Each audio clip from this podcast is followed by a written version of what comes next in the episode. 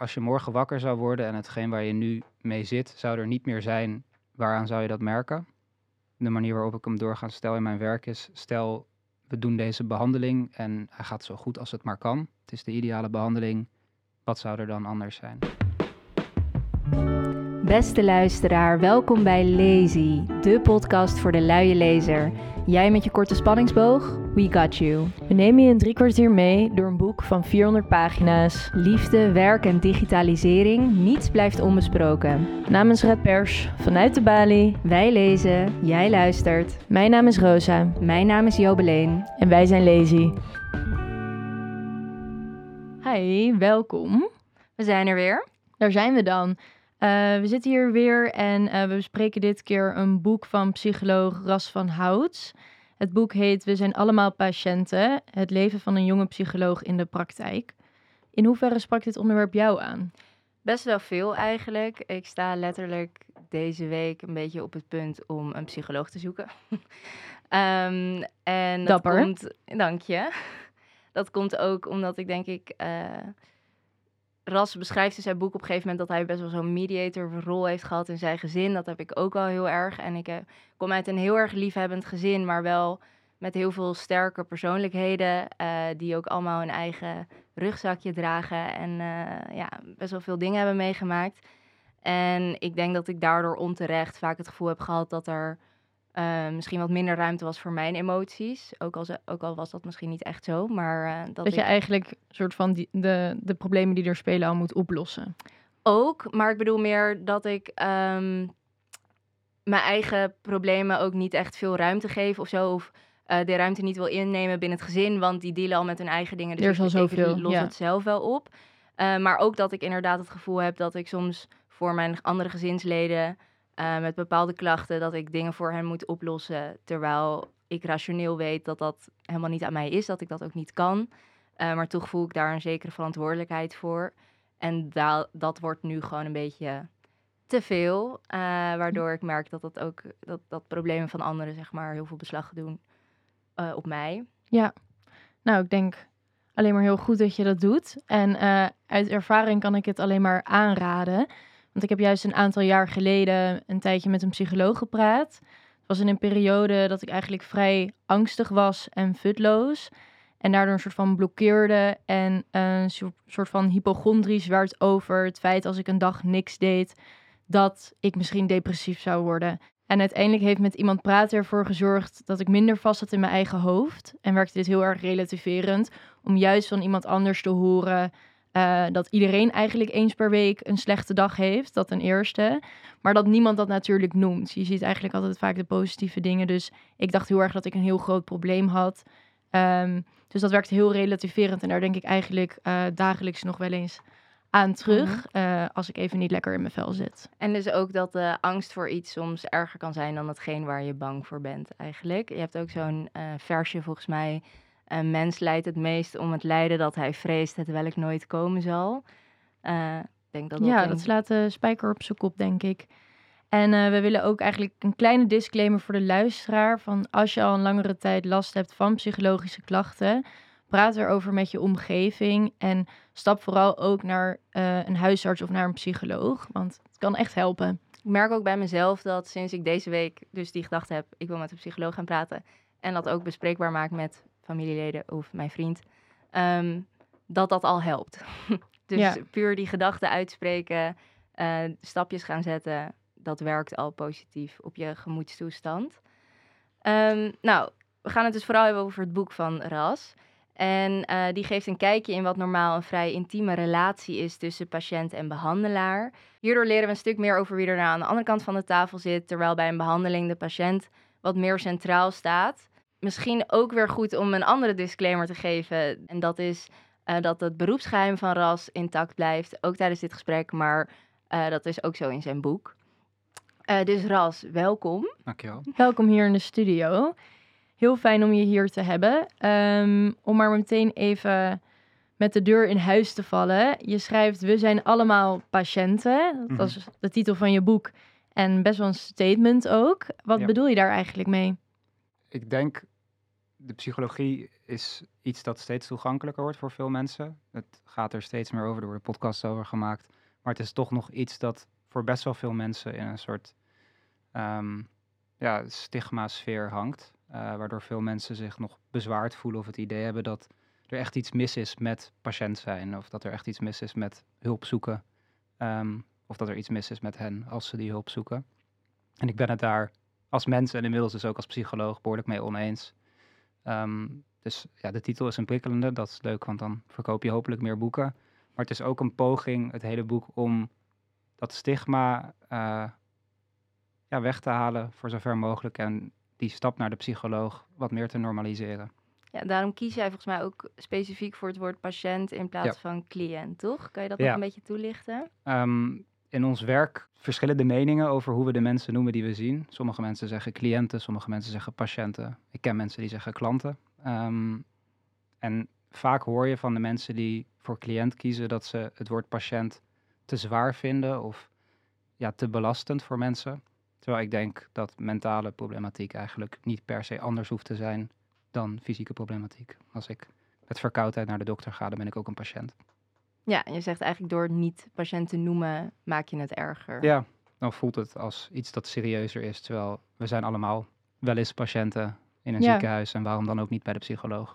En hoe komt het eigenlijk dat we dit dan nog steeds bagatelliseren? Terwijl ook onder onze generatie eh, ja, er is steeds meer aandacht voor mental health, zoals je net ook al zei. Mhm. Maar toch blijkt het nog een hele stap te zijn eh, om naar de psycholoog te gaan. En zoals je in je boek ook schrijft, dat het inderdaad nog steeds wordt ervaren als een soort bekentenis van ik ga naar een psycholoog. Ja, ik denk er zullen verschillende dingen meespelen. Waarschijnlijk dat het feit dat er een behoorlijke wachtlijst is voor psychologische zorg al een soort van aan de deur het gevoel geeft van ja, het moet ernstig genoeg zijn, want anders neem ik tijd of ruimte in die iemand anders beter kon gebruiken. En ik denk sowieso dat, ja, kijk, de medische wereld, de, de geneeskunde bestaat al, nou, voor zover ik weet, zo lang als de oude Grieken er waren. Ehm, terwijl het psychologische, en zeker echt de psychologische zorg, is echt heel recent pas ontstaan.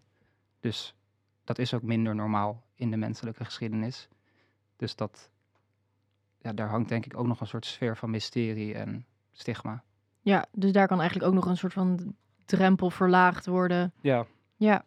En eh, nog even in relatie tot Gen Z. Je schrijft ook dat er mensen langskomen om de puntjes op de i te zetten. Mhm. Nu weet ik van mezelf en ik denk ook sowieso onze generatie dat er enorme druk is om Mhm.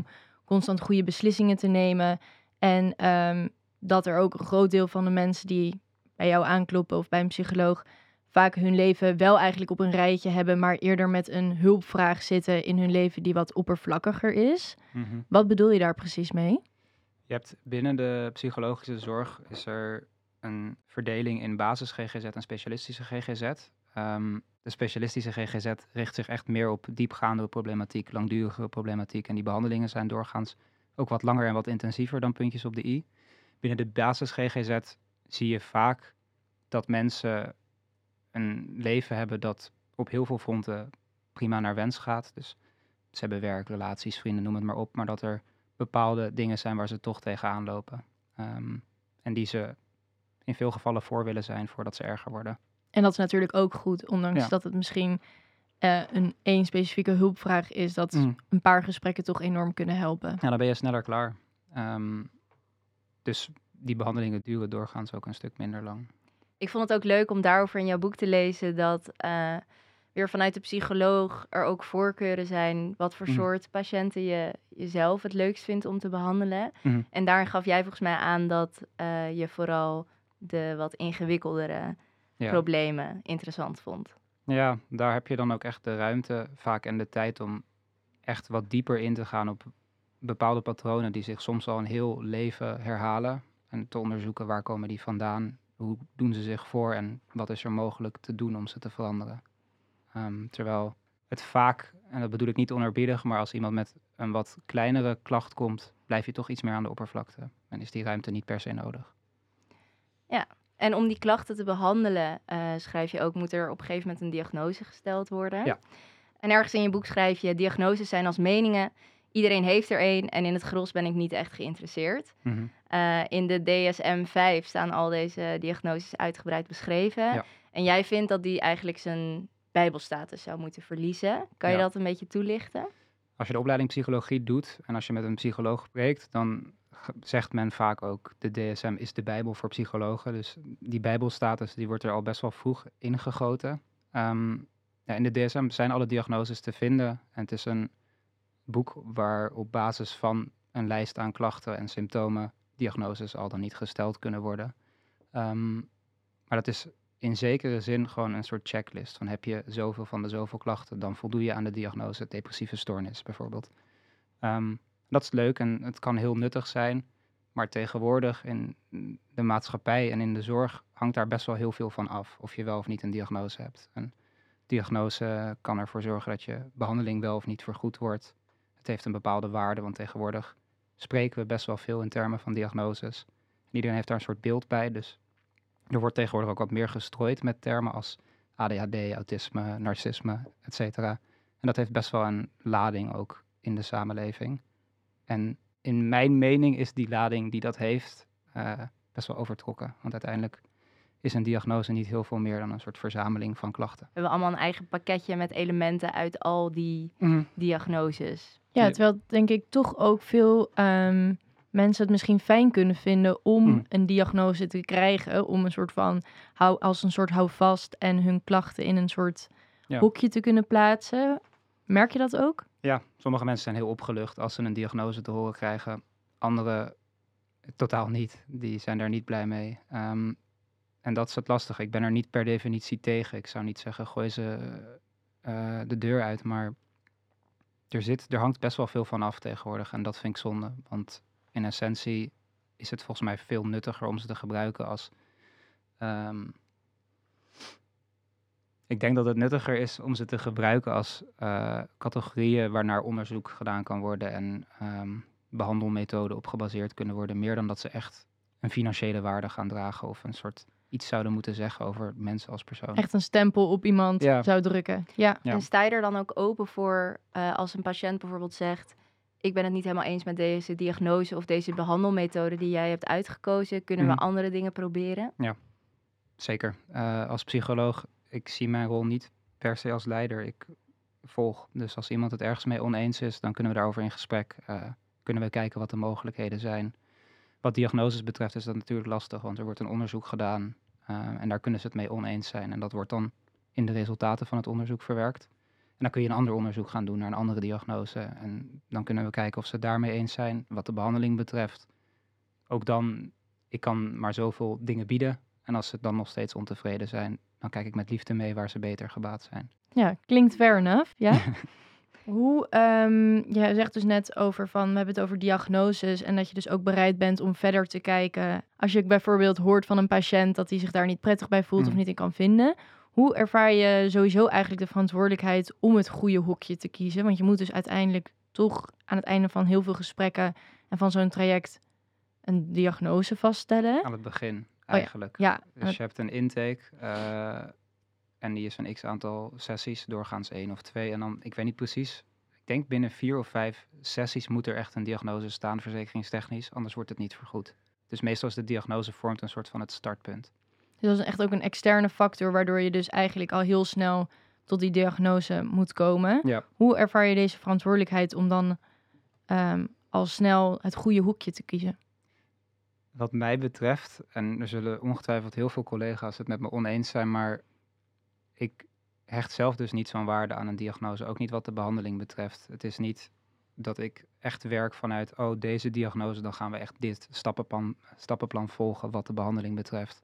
Het is voor mij meer een middel om in kaart te brengen in welke hoek we het waarschijnlijk zullen zoeken. En als dan later blijkt dat we het in de verkeerde hoek hebben gezocht, dan pas ik de behandeling aan en soms ook de diagnose als dat nodig is. Ja, dus daarom ben jij heel eigenlijk flexibel in je Ja. werkwijze. Ja, en ik, nogmaals, ik weet niet hoe mijn collega's hierover denken bij andere praktijken of ook binnen mijn praktijk. Ik denk dat verschillende psychologen dat op verschillende manieren aanpakken. Ik vind het ook heel mooi dat je net zei eh, dat je jezelf als psycholoog niet per se leidend ziet in het Mhm. proces. Omdat het mij ook als patiënt heel frustrerend lijkt als jij eindelijk de stap hebt genomen om met iemand te gaan praten. eh, en misschien een bepaalde voorkeur hebt voor de manier waarop je het wil oplossen met die Mhm. psycholoog. eh, en dat een psycholoog dan zegt: nee, dat past niet bij jouw diagnose, dus dat gaan we niet doen. Ja. Dan valt het eigenlijk dood. En dat kan heel zonde zijn, misschien voor Hm. iemand die eindelijk de moeite neemt om, eh, om met iemand te gaan praten. Het kan ook andersom. Dat mensen, ik zie met regelmaat mensen die juist naar mij toe komen als jij bent de expert, vertel me maar wat we gaan doen. En dan ontstaat er een soort rare stilte waarin ik zeg, nou ja, wat moeten we doen? Eh, wat wil jij doen? Waar heb jij behoefte aan? Ehm, en dat wordt soms een beetje pingpongen tussen, ja, maar het is jouw werk. En ja, maar ik, ik heb gestudeerd in de psychologie, niet in jou als mens. Ehm, Ja, je stelt ze ook de wondervraag. Ja. Wat is dat? Volgens mij letterlijk is de wondervraag: als je morgen wakker zou worden en hetgeen waar je nu mee zit, zou er niet meer zijn, waaraan zou je dat merken? De manier waarop ik hem doorgaans stel in mijn werk is: stel, we doen deze behandeling en hij gaat zo goed als het maar kan. Het is de ideale behandeling. Wat zou er dan anders zijn? En waaraan zou je dat merken? En kunnen mensen dat goed formuleren? Sommigen wel, sommigen niet. Eh, en dan ben je even op zoek. Maar in essentie is het wel nodig om te weten eh, waar je naartoe werkt. Veel mensen weten wel goed waar ze mee zitten, maar hebben nog niet echt zo nagedacht over: oké, en hoe ziet het er dan uit als dat er niet meer is? Dus dat is, het is een leuk lichtpuntje. Ik doe het vaak aan het einde van een intake, om toch nog een soort van positief af te sluiten. Ja, Ja. zie je ze dan ook oplichten? Soms, eh, soms ook niet. Ehm, dat verschilt. Het is een vraag waar mensen meestal niet bij stil hebben gestaan, dus het verrassen. Ja, want dat schrijf je ook eigenlijk. Ze zijn heel erg bezig met het negatieve en wat er Mhm. misgaat. En dan opeens worden ze met door, door jouw vraag eigenlijk verrast. Omdat ze opeens Mhm. eh, dan aan het positieve moeten gaan denken. En dan heb je meteen een mooi beeld van, oké, hier werken we naartoe. En als ik dan vaak aan het einde van een behandeling lees ik ook voor wat ze aan het begin hadden beantwoord op die vraag. En dan kun je heel mooi een soort van terugblikken, vol nostalgie. En soms is het precies zo gegaan als ze hadden verwacht. Soms is er iets heel anders veranderd dan ze bij aanvang hadden verwacht. En dat is leuk. Ja, goed om dat inderdaad zo terug te kunnen zien. Ehm, je bent natuurlijk jong en je schrijft ook Mhm. over eh, het leven van een jonge psycholoog in de praktijk. Mhm. Heb je wel eens gehad dat patiënten je afrekenen op basis van je leeftijd? Dat is afrekenen. Ja, dat, dat ze toch. ehm, misschien dat ze zeggen, eh, ik, ik denk dat jij niet goed genoeg Ja. kan inleven in, eh, in mijn situatie. ja, daar misschien ook vooroordelen bij hebben. Ja, het gebeurt vaak dat iemand bij binnenkomst bekent dat ze iets anders in gedachten hadden, dat ze me wat ouder hadden verwacht of eh, wat grijzer. Ehm, voor zover ik me kan herinneren is het nooit echt het breekpunt van een behandeling geweest. Ehm, maar het is iets dat wel regelmatig terugkomt. Ehm, maar een psycholoog is niet per se levensdeskundige, ook al verwachten sommige mensen dat wel. We hebben gestudeerd in het vak van de psychologische stoornissen en behandelingen. Dus daar zijn we deskundig in. En niet per se in het ervaren van al het leed dat de mens kan hebben. Maar als iemand ehm, een probleem heeft met mijn leeftijd, ook daar kun je het gewoon over hebben. Ja. Ehm, En vaak kom je dan ofwel tot de conclusie dat het dus een breekpunt is. Nogmaals, volgens mij heb ik dat nog nooit meegemaakt.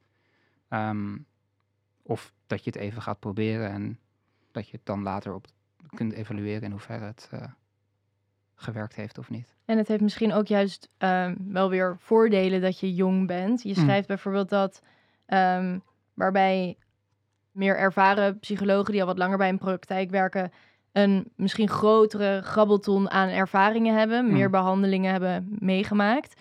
Ehm, wat is dan jouw meerwaarde als jonge psycholoog? Ik heb er meer. het is niet één punt, maar ten eerste, ik ben verser uit de schoolbanken. Dus de recente wetenschap eh, is mij bekender dan de mensen die al langer aan het werk zijn, waarschijnlijk. En ik denk dat veel jonge psychologen een stuk flexibeler zullen zijn, omdat ze nog niet eh, vastgeroest zitten in bepaalde overtuigingen over het werk of over eh, behandelingen. En dat sluit ook aan op wat je net zei over eh, het vaststellen van de diagnose en het Mm. vervolgtraject. Dat je Mm. misschien wat flexibeler nog daarin kan schakelen in hoe dat traject er dan vervolgens uitkomt te zien. Jouw boek eh, bestaat niet alleen uit eh aaneenlopend stuk tekst, maar je Mhm. hebt ook gedichtjes erin verwerkt en e-mails of bedachte e-mails volgens mij, of hoe heet dat? Bedachte dossiers. Ehm, heb je dit zelf geschreven, dit eh, Ja. gedicht? Zou jij misschien een bepaald stukje voor mij willen voorlezen? Dan weten we gelijk hoe het klinkt vanuit de schrijver, deze passage. En het medelijden als iemand me weer eens duidelijk wil maken dat hij niet gelooft in psychologie. Of zij, of die. Meestal hij. Alsof we geen diagnostiekverslagen en behandelplannen schrijven, geen onderzoeksresultaten publiceren, maar horoscopen.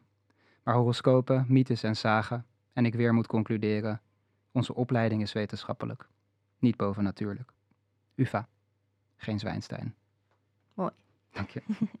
En waarom heb je ervoor gekozen om er een gedicht in te verwerken?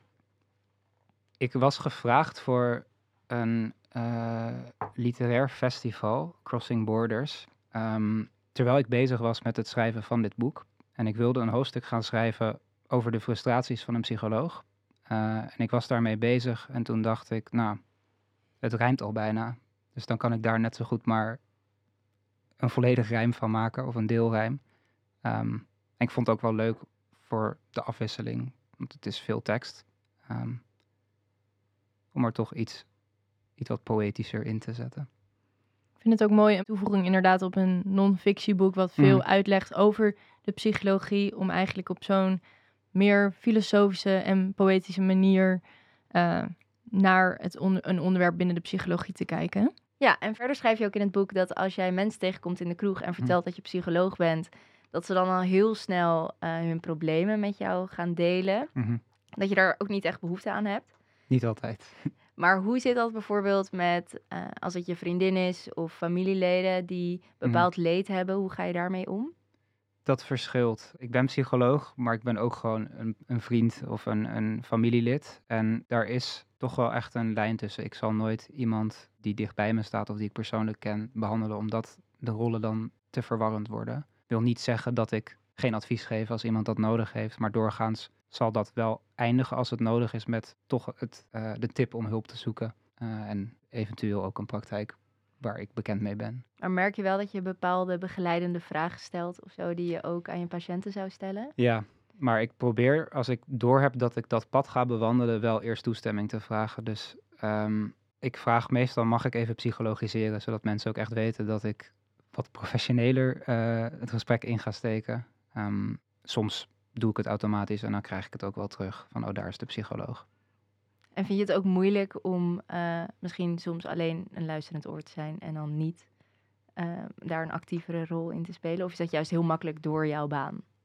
Ik denk dat dat vanuit mezelf, dat dat iets is dat ik persoonlijk al graag doe. Luisteren zonder heel actief meteen in actie te komen. Uh, misschien dat ik daarom dit werk ben gaan doen. Of misschien dat het meer is gegroeid naarmate ik dit werk doe. Ja, dat schrijf je ook in je boek. Dat dat een van de kenmerken is die jij als persoon eigenlijk al hebt. Dat je iemand bent die graag luistert. Ja, zonder daar meteen in allemaal bochten te hoeven wringen om daar iets aan te doen. Ehm, maar als ik, ja goed, als ik advies heb, zowel in mijn werk als persoonlijk als iemand naar me toe komt, dan ga ik dat niet bewust achterhouden, omdat dat is wat er van een psycholoog verwacht wordt. En jouw baas die zegt op een gegeven moment ook... eh, de dingen die mensen zeggen of vertellen hebben een impact op je. En dat is onvermijdelijk. Het gaat erom te kunnen blijven fietsen terwijl de wind of andere krachten je uit balans dreigen te brengen. En dat is voor een groot deel een kwestie van ervaring. Eigenlijk van vertrouwdheid met het veld, met de materie. Op een bepaald moment raak je vertrouwd met wat er verteld wordt en dan ben je niet uit het veld te slaan en zul je ook niet uitvallen. Ehm, ja, je baas zegt eigenlijk, het is de kunst om, terwijl je die tegenwind hebt Mhm. en ervaart, om dan zelf te kunnen blijven fietsen. Ja. Zo kan het misschien ook voelen met iemand die eh, misschien een broer heeft, Mhm. die eh, zware psychische klachten heeft. Dat je dus zelf probeert naast iemand te staan, Mhm. maar eh, niet omvergeblazen te worden door Mhm. andermans leed. Ja. Ehm, denk je dat dat ook naarmate je meer bekend wordt met de problemen van de ander, dat je dat makkelijker kan Hmm. uitzetten in die zin? En dat je, of Ik weet niet of, niet of je iets uitzet. Ik denk dat je, ja, zoals mijn baas heel mooi beschrijft, minder uit balans wordt gebracht, omdat je al meer hebt gedragen. Ehm, er komt een soort beeld op hoe zwaarder je bent, hoe minder makkelijk je omvergebeukt wordt. Ehm, ik denk dat dat ook hier geldt. Ik moet zeggen, mijn werk is natuurlijk wel iets anders dan mijn privéleven. Dus stel, een dierbare zou iets gebeuren, dan denk ik dat dat op een andere manier bij mij binnenkomt dan een patiënt die ik spreek. Dan nog eigenlijk ben ik wel benieuwd naar, je hebt het over dus ook ervaring opdoen en natuurlijk ook als ehm, voor jouzelf als psycholoog.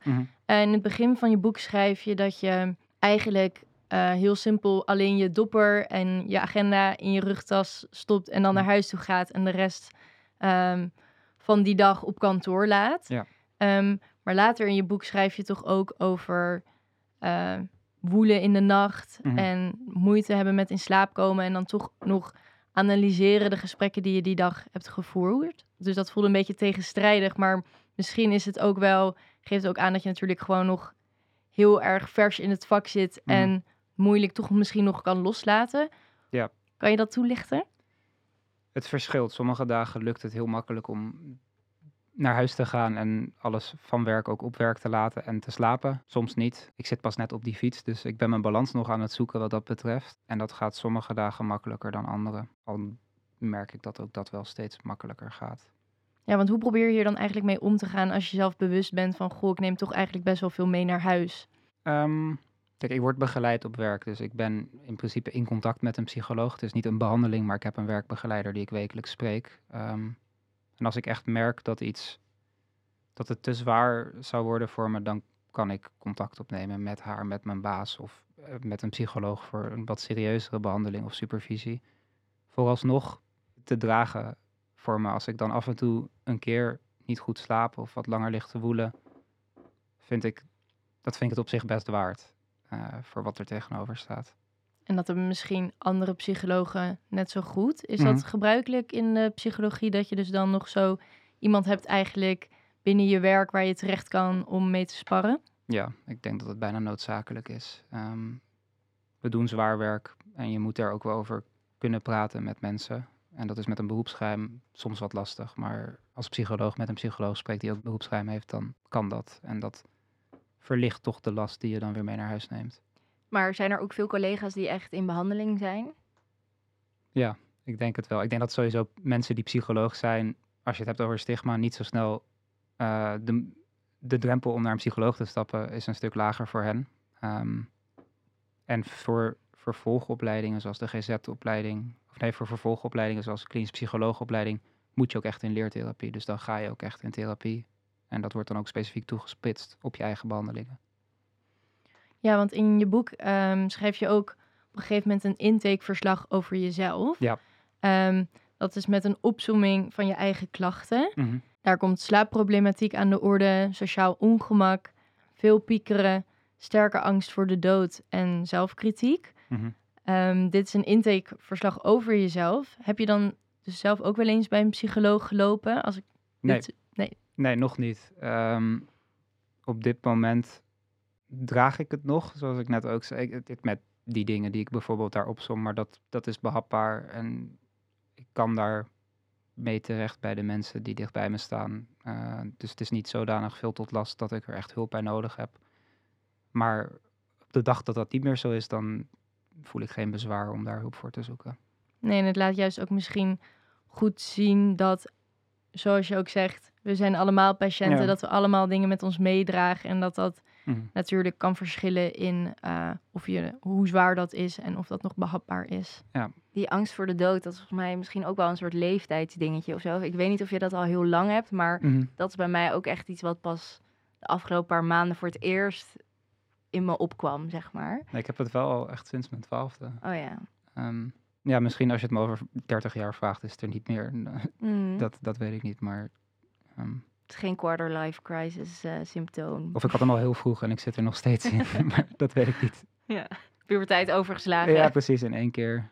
Daarnaast wijd je in je boek ook nog een hoofdstuk aan eh, mannen. Nou ja, Ja. nu zit je hier tegenover twee vrouwelijke co-hosts. Mhm. Eh, maar je hebt niet voor niks natuurlijk een hoofdstuk gewijd aan een man. Ja. Waarom maak je eigenlijk dit onderscheid in de psychologie? Ik weet niet of in de psychologie het onderscheid gemaakt wordt of dat ik het onderscheid ben gaan merken als psycholoog. Ehm, maar het viel me al vrij snel, volgens mij al tijdens mijn stage, op dat er best wel een verschil zit in hoe vaak je verhalen hoort waarin de dader een man is ten opzichte van hoe vaak de dader een vrouw is. En dat is eigenlijk bijna nooit, zelden gaat het over vrouwen. Het gaat best wel vaak over mannen. Dus op die manier werd ik een stuk bewuster van. Eh, in combinatie met dat er een hele MeToo-discussie op aan het waaien was, waarin natuurlijk ook al best een onderscheid werd gemaakt tussen mannen en vrouwen.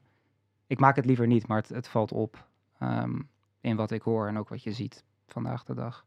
Maar behandel je dan bijvoorbeeld ook meer vrouwen? Dus dat, omdat mannen er niet over praten, dat dan Mm. ook de vrouwelijke, tussen aanhalingstekens, daders Ja. eh, minder snel bekend worden? Of denk je dat dat niet zwaarder weegt? Ik heb het geteld toen ik dat hoofdstuk schreef. En op dat moment, ik weet niet hoe het er nu voor staat, maar had ik precies evenveel mannen in behandeling als vrouwen. En los daarvan, ik heb het voor het boek ook opgezocht. ehm, volgens mij is ook het percentage mensen dat veroordeeld wordt voor misdrijven, ehm, dat mannelijk is, is iets van die- 83 procent. Ehm, dus ik denk, er zit een disbalans. En ongetwijfeld hoor, krijg ik een balans in verhalen, omdat er misschien inderdaad meer vrouwen die slachtoffer zijn geworden van mannen hulp zoeken. Maar ik vraag me af of dat het verschil verklaart. Misschien worden mannen ook wel daders omdat ze geen hulp zoeken. Could be. Dat er ook nog... En eh, er is nou denk ik, en dat sluit hier ook op aan, er is ook nog een andere disbalans. En dat Mm. is eigenlijk ook over dat mannen het ook moeilijk vinden om zichzelf eigenlijk als slachtoffer te zien. Mm. Dus ze zijn, zoals je zegt, vaker dader, maar komt natuurlijk ook voor dat ze slachtoffer zijn en zelf met psychologische klachten dealen. Maar dat ze dat heel erg zien als het falen van man zijn. Mhm. Ehm, en dat komt ook terug in jouw gesprekken, schrijf je, en de schaamte die hiermee gepaard gaat. Ja. Eh, heb je dus dan ook het idee dat mannen minder snel naar een psycholoog stappen? Ik denk niet dat mijn 50-50 representatief is voor wat je in de samenleving op dit moment ziet. Ik heb de precieze percentages niet, maar ik weet vrij zeker dat er veel minder mannen hulp zoeken dan vrouwen. En dan kun je zeggen, oké, misschien hebben ze het minder nodig of misschien zitten ze met minder. Maar als je kijkt naar bijvoorbeeld de zelfdodingscijfers, dan is volgens mij het percentage mannen dat zelfmoord pleegt twee keer zo hoog eh, als vrouwen. Ja, ik vond dat ook echt schokkend om te lezen. Ja. En heb je dan nog een soort van ja, tip die je kan meegeven of, of, een, of een advies aan de samenleving of zo'n zorgstelsel hoe die drempel verlaagd kan of worden? aan de mannelijke luisteraar. Nou, zoek hulp als je het nodig vindt. eh, of als mensen in je omgeving het nodig vinden. Eh, schaam je niet. Voel je niet bezwaard. Zet die stap. En als ze dan eenmaal bij jou bijvoorbeeld aankomen, merk je dat dan nog verder in het behandelproces van die, die schaamte, iets van die schaamte terugkomen, dat ze minder makkelijk open zijn? Of Mhm. Maar dat geldt niet alleen voor mannen. Dat bijna iedereen die binnenkomt voelt zich bezwaard, voelt zich beschaamd, voelt zich schuldig. Ehm, waarschijnlijk dat dat ook nog wel samenhangt met een stigma en een wachtlijst. Ehm, maar bij mannen hoor ik vaker, en misschien is dat alleen mijn ervaring, maar dat die, die halen vaker ook zelf het geslacht aan van ik, een beter man had hier niet gezeten of een sterker man of eh, een echte man kan dit wel. En in de behandeling van vrouwen hoor ik dat eigenlijk bijna nooit langskomen. Dus er zit blijkbaar een soort overtuiging. Ik denk niet alleen onder de man, maar gewoon in de maatschappij van wat het betekent om. Man te zijn en ook vrouw te zijn. Ja, ook weer zo interessant wat je ook in je boek schrijft. Eigenlijk dat die verhoudingen in de maatschappij heel erg duidelijk worden in zo'n gesprek. En ook het Mm. effect op een individu dan dus blijkbaar. Mm. Omdat wij ehm, bepaalde dingen verwachten van mannen, hebben ze ook dat idee van zichzelf. Zo'n hoofdstuk over mannen kan misschien klinken als een soort van aanval op de man, maar zo is het absoluut niet bedoeld. Ehm, volgens mij gaat het veel groter mis dan specifiek binnen een geslacht of binnen een groep mensen. Er zijn bepaalde overtuigingen of bepaalde dingen die in de opvoeding misgaan, eh, waardoor dit probleem ontstaat.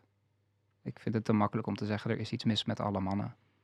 Ja, en lukt het dan uiteindelijk tijdens zo'n behandeltraject om dan dus die mindset een beetje te flippen bij dus je patiënt die dus, of mannelijke patiënt die dus heel erg nog aan het verdedigen is van een echte man zou hier niet zitten?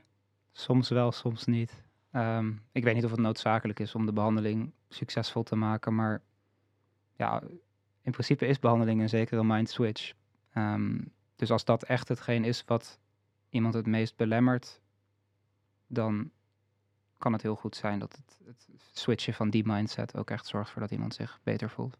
Ja, hoe zou jij eigenlijk je beroep aan een kind van zes omschrijven? Ik heb daar nog nooit over nagedacht, maar ehm, Ik vond die mindset switch wel een mooie ja, term eigenlijk. Ik denk eh, dat het is moeilijk om psychologische concepten aan een kind van zes uit te leggen, maar ehm, dat sommige mensen van tijd tot tijd vastlopen in hun hoofd of tegen dingen aanlopen in hun hoofd en dat ik ze daarmee probeer te helpen door met ze in gesprek te gaan. Mooie afsluiting eigenlijk om eh, eigenlijk het hele boek en het onderwerp heel kort eventjes in kindertaal uit, uit te leggen. Heb jij eh, nog een tip voor ons jonge uh, skere studenten? um, aan welke zorgverzekeraars zouden wij ons moeten binden om zoveel mogelijk behandelingen voor vergoed te krijgen? Dat weet ik niet zeker. Het is, uh, elke praktijk heeft al dan niet contracten met bepaalde zorgverzekeraars. Uh, ik denk dat je het best dat bij je huisarts kunt checken, want dat zal ongetwijfeld ook per buurt, per stad, per regio verschillen. Um, ik weet dat in Amsterdam het Zilveren Kruis volgens mij het grootste is, maar ik weet niet of dat geldt voor heel Nederland. En het is denk ik gewoon goed om te weten van wacht niet tot 1 januari uh, als je met iemand wil praten. Ik heb volgens mij via je huisarts die ook weer een praktijkondersteuner heeft, dat je vaak al toch wel eventjes in, een paar gesprekken ingepland krijgt en met iemand kan praten. Dus op die manier kan je hopelijk toch mm. binnen elke zorgverzekering wel een weg vinden. Ja. En is er nog iets uit het boek wat wij je niet gevraagd hebben, maar waarvan je, waarvan je zegt, dit wil ik even kwijt? Ik denk het niet. Ik denk dat we het belangrijkste gehad hebben. Heel fijn om te horen. ja, Ras, heel erg bedankt voor je komst. En uh, wij hebben ervan genoten. Veel geleerd. Heel wat van opgestoken. Ik ga op zoek naar een psycholoog. Succes. Dankjewel. En uh, we zijn uh, over twee weken weer terug met de volgende aflevering.